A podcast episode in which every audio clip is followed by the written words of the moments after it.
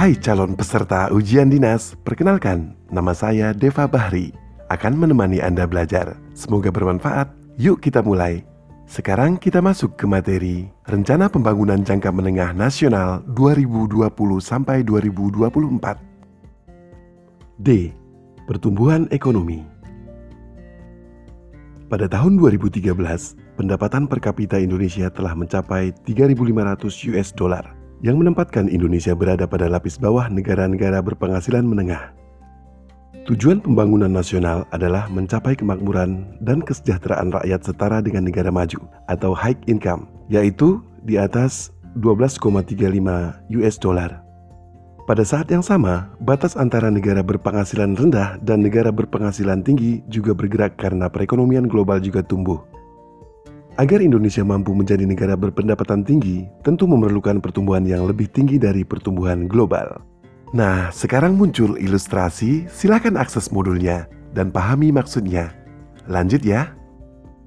Untuk mencapai pertumbuhan ekonomi Indonesia maju tahun 2036, perekonomian nasional dituntut tumbuh rata-rata antara 6 sampai 8 persen per tahun Inilah tantangan utama pembangunan ekonomi. Agar berkelanjutan, pertumbuhan yang tinggi tersebut harus bersifat inklusif serta tetap menjaga kestabilan ekonomi. Upaya mencapai tujuan tersebut memerlukan penerapan strategi yang cermat dan tepat, serta memerlukan optimalisasi pemanfaatan seluruh potensi ekonomi yang ada.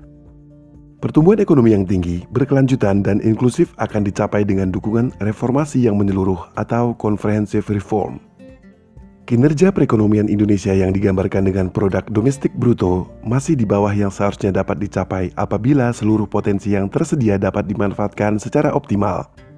Salah satu faktor penyebabnya adalah rendahnya efisiensi dan produktivitas dalam kinerja perekonomian Indonesia yang ditunjukkan oleh total factor productivity. Masalah dan tantangan pokok yang akan dihadapi pada periode 2020 sampai 2024 adalah sebagai berikut. 1 ketidakpastian global. Ke depan, risiko ketidakpastian masih akan mewarnai perkembangan perekonomian dunia. Pertumbuhan ekonomi dan perdagangan dunia diperkirakan akan cenderung stagnan dengan tren melambat. Masing-masing diproyeksikan sebesar 3,5 dan 3,7 persen per tahun sepanjang tahun 2020 sampai 2024. Harga komoditas internasional ekspor utama Indonesia antara lain batu bara dan minyak kelapa sawit diperkirakan juga relatif rendah. Selain itu, resiko ketidakpastian lainnya yang perlu diantisipasi antara lain perang dagang, perlambatan ekonomi Cina, dan resiko geopolitik di Timur Tengah. 2. Laju pertumbuhan ekonomi relatif stagnan. Selepas krisis ekonomi 1998, rata-rata pertumbuhan ekonomi Indonesia sebesar 5,3 persen per tahun. Bahkan dalam empat tahun terakhir, pertumbuhan ekonomi Indonesia cenderung stagnan pada kisaran 5 persen. Dengan tingkat pertumbuhan ekonomi tersebut, sulit bagi Indonesia untuk segera menjadi negara berpendapatan tinggi. 3. Defisit transaksi berjalan yang meningkat. Tidak berkembangnya industri pengolahan berdampak pada kinerja perdagangan internasional Indonesia Hingga saat ini, ekspor Indonesia masih didominasi oleh ekspor komoditas, tidak berbeda dengan kondisi 40 tahun yang lalu. Rasio ekspor terhadap PDB terus menurun dari 41,0 persen di tahun 2000 menjadi 21,0 persen di tahun 2018. Akibatnya, Indonesia masih mengalami defisit transaksi berjalan hingga mendekati 3,0 persen PDB. Sementara beberapa peer countries sudah mencatatkan surplus, Peningkatan defisit transaksi berjalan menjadi penghambat bagi akselerasi pertumbuhan ekonomi di tengah perlambatan ekonomi dunia. 4. Revolusi Industri 4.0 dan Ekonomi Digital Saat ini, dunia telah memasuki era revolusi industri 4.0. Revolusi tersebut memberikan tantangan dan peluang bagi perkembangan perekonomian ke depan. Di satu sisi, digitalisasi otomatisasi, dan penggunaan kecerdasan buatan dalam aktivitas ekonomi akan meningkatkan produktivitas dan efisiensi dalam produksi modern, serta memberikan kemudahan dan kenyamanan bagi konsumen. Teknologi digital juga membantu proses pembangunan di berbagai bidang di antaranya pendidikan melalui pembelajaran jarak jauh atau distance learning, pemerintahan melalui e-government, inklusi keuangan melalui financial technology atau fintech, dan pengembangan UMKM seiring berkembangnya e-commerce. Namun di sisi lain, perkembangan revolusi industri 4.0 berpotensi menyebabkan hilangnya pekerjaan di dunia. Diperkirakan 60% jabatan pekerjaan di dunia akan tergantikan oleh otomatisasi. Di Indonesia diperkirakan 51,8% potensi pekerjaan yang akan hilang.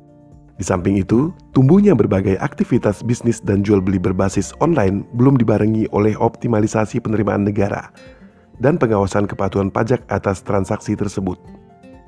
Pencapaian tujuan dan prospek ekonomi juga dipengaruhi oleh perkembangan dan tantangan ekonomi global yang akan dihadapi pada periode tahun 2020 sampai 2024. Beberapa hal yang terkait dengan perkembangan ekonomi global yang perlu dicermati di antaranya adalah 1. Ke depan, risiko ketidakpastian masih akan mewarnai perkembangan perekonomian dunia – pertumbuhan ekonomi dan perdagangan dunia diperkirakan akan cenderung stagnan dengan tren melambat. Masing-masing diproyeksikan sebesar 3,6 dan 3,8 persen per tahun sepanjang tahun 2020 sampai 2024. Harga komoditas internasional ekspor utama Indonesia diperkirakan juga akan cenderung menurun. Di antaranya batu bara dan minyak kelapa sawit, seiring dengan beralihnya permintaan dunia ke produk yang lain. Adapun risiko ketidakpastian lainnya yang perlu diantisipasi antara lain perang dagang, perlambatan ekonomi Cina, dan tekanan normalisasi kebijakan moneter yang beralih dari Amerika Serikat ke kawasan Eropa. 2. Selepas krisis ekonomi 1998, rata-rata pertumbuhan ekonomi Indonesia hanya pada kisaran 5,3 persen per tahun Bahkan, dalam empat tahun terakhir pertumbuhan ekonomi Indonesia cenderung stagnan pada kisaran 5,0 persen. Dengan tingkat pertumbuhan ekonomi tersebut, sulit bagi Indonesia untuk dapat naik kelas menjadi negara berpendapatan tinggi atau mengejar ketertinggalan pendapatan per kapita negara peers. 3.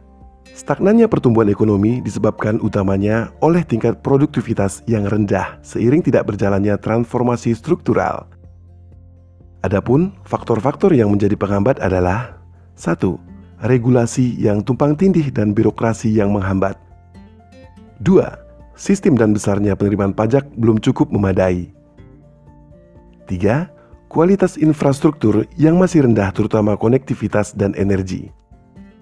4. Rendahnya kualitas SDM dan produktivitas tenaga kerja. 5 intermediasi sektor keuangan rendah dan pasar keuangan yang dangkal. 6. Sistem inovasi yang tidak efektif. 7. Keterkaitan hulu hilir yang lemah. 4. Tidak berkembangnya industri pengolahan berdampak pada kinerja perdagangan internasional Indonesia. Hingga saat ini, ekspor Indonesia masih didominasi oleh ekspor komoditas dengan jasa transportasi asing. Tidak berbeda dengan periode 40 tahun yang lalu. Rasio ekspor terhadap PDB terus menurun dari 41,0 persen pada tahun 2000 menjadi 21 persen pada tahun 2018. Akibatnya, Indonesia masih mengalami defisit transaksi berjalan hingga mencapai 3 persen PDB, sementara beberapa negara peers sudah mencatatkan surplus. Di tengah kondisi keuangan global yang ketat, peningkatan defisit transaksi berjalan menjadi penghambat bagi akselerasi pertumbuhan ekonomi yang lebih cepat. 5 saat ini, dunia telah memasuki era revolusi industri 4.0. Revolusi tersebut memberikan tantangan dan peluang bagi perkembangan perekonomian ke depan. Di satu sisi, digitalisasi, otomatisasi, dan penggunaan kecerdasan buatan dalam aktivitas ekonomi akan meningkatkan produktivitas dan efisiensi dalam produksi modern, serta memberikan kemudahan dan kenyamanan bagi konsumen. Digital teknologi juga membantu proses pembangunan di berbagai bidang, di antaranya pendidikan melalui distance learning, pemerintahan melalui e-government, inklusi keuangan melalui fintech, dan pengembangan UMKM seiring berkembangnya e-commerce. 6. Namun, di sisi lain, perkembangan revolusi industri 4.0 berpotensi menyebabkan hilangnya pekerjaan di dunia. Studi dari McKinsey memperkirakan 60% jabatan pekerjaan di dunia akan tergantikan oleh otomatisasi. Di Indonesia diperkirakan 51,8 persen potensi pekerjaan yang akan hilang.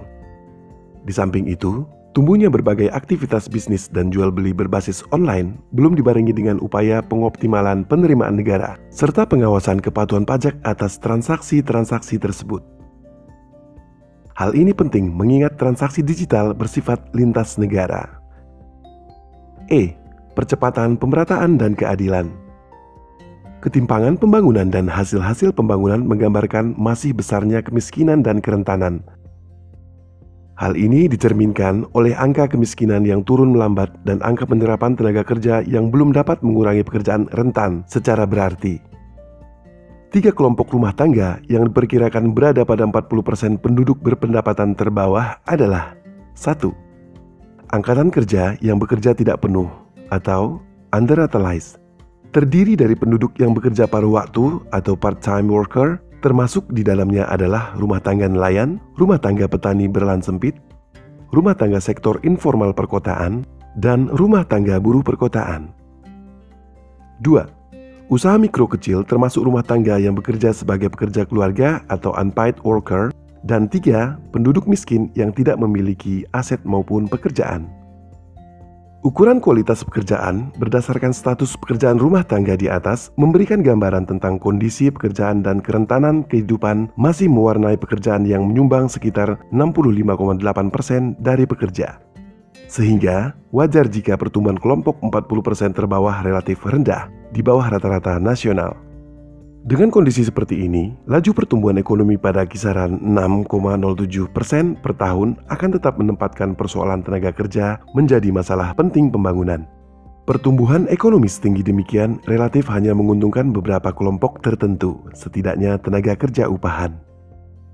Dengan demikian, upaya mengisolasi persoalan tenaga kerja pada mereka yang menganggur dan mereka yang bekerja di bawah jam kerja normal, serta peningkatan akses dan produktivitas mesti segera diupayakan jalan keluarnya.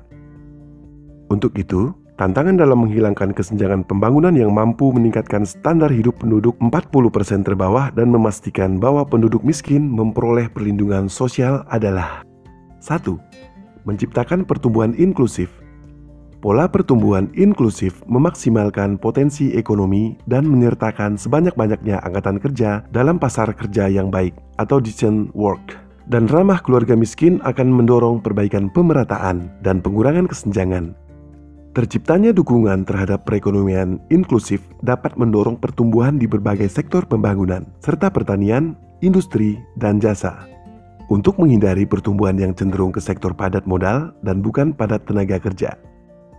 2. Memperbesar investasi padat pekerja.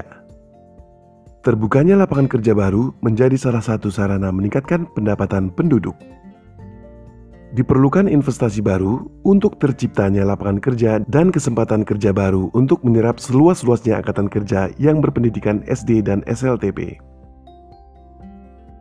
3. Memberikan perhatian khusus kepada usaha mikro. Usaha mikro perlu memperoleh dukungan penguatan teknologi, pemasaran, permodalan, dan akses pasar yang bagus. Dukungan semacam ini perlu diberikan mengingat sebagian besar usaha mikro tidak memiliki lokasi permanen dan tidak berbadan hukum, sehingga rentan terhadap berbagai hambatan yang dapat menghalangi potensinya untuk tumbuh kembang. 4. Menjamin perluasan sosial bagi pekerja informal. Perluasan kesempatan kerja dan usaha yang baik perlu diciptakan untuk penduduk kurang mampu dan pekerja rentan, termasuk penyandang disabilitas dan lanjut usia potensial. Kelompok penduduk ini umumnya memiliki kesempatan terbatas dalam sektor formal dan tidak memiliki sumber-sumber alternatif untuk menghidupi ekonomi keluarga. Peluang kerja yang dapat diakses kelompok penduduk ini kurang dapat memenuhi standar hidup yang layak dan tidak berkesinambungan. Keterpaduan berbagai asistensi sosial untuk mendukung penduduk kurang mampu agar dapat mengelola berbagai risiko, pembukaan kesempatan dan lingkungan yang inklusif agar masyarakat kurang mampu memiliki penghidupan yang layak dan jaminan sosial yang memadai. 5. Meningkatkan dan memperluas pelayanan dasar bagi masyarakat kurang mampu. Perluasan pemenuhan hak dan kebutuhan dasar perlu menjadi perhatian untuk peningkatan kualitas hidup terutama bagi masyarakat kurang mampu. Pemenuhan hak dasar ini meliputi hak untuk mendapatkan identitas atau legalitas, pelayanan kesehatan, kecukupan gizi, akses terhadap pendidikan, rumah tinggal yang layak, penerangan yang cukup, fasilitas sanitasi, dan akses terhadap air minum. Tantangan dalam hal pemenuhan hak dan kebutuhan dasar ini menyangkut ketersediaan layanan dasar atau supply side. Penjangkauan oleh masyarakat miskin atau demand side, serta kelembagaan dan efisiensi sektor publik. 6. Memperluas ekonomi perdesaan dan mengembangkan sektor pertanian. Isu lain yang masih tertinggal dan memerlukan perhatian adalah upaya meningkatkan produktivitas pertanian petani miskin. Usaha perikanan tangkap maupun budidaya dan usaha skala mikro lainnya yang menunjang rantai produksi usaha kecil yang menjadi potensi di wilayah. Perhatian juga perlu ditujukan pada peningkatan akses terhadap lahan dan aset produktif yang sering kali membatasi peningkatan produksi dan skala usaha masyarakat yang kurang mampu. Ketersediaan sarana dan prasarana perekonomian di daerah pedesaan, akses pada kredit jasa keuangan dan sumber permodalan lainnya bagi pelaku ekonomi di pedesaan, serta pemanfaatan riset dan teknologi pertanian, diseminasi dan penyediaan informasi teknologi pertanian juga menjadi faktor penting dalam mendorong ekonomi pedesaan. Dan tujuh, menjaga stabilitas harga dan menekan laju inflasi. Kelompok masyarakat kurang mampu rentan terhadap goncangan ekonomi dibandingkan kelompok masyarakat berpendapatan tinggi. Untuk itu, inflasi perlu dipertahankan untuk tetap rendah dan stabil untuk menjaga daya beli masyarakat berpenghasilan rendah yang rentan terhadap goncangan kenaikan harga. Selain itu, perlu untuk memonitor perkembangan harga bahan makanan dan menjaga ketersediaan bahan pokok melalui operasi pasar Perlunya pembangunan instrumen untuk menekan harga, terutama bahan makanan, serta melakukan verifikasi harga di pasar. Nah, demikian sesi belajar dengan saya, Deva Bahri. Jangan lupa kasih penilaian ya di akhir sesi mata pelajaran ini. Selanjutnya akan diteruskan oleh teman saya. Semoga sukses.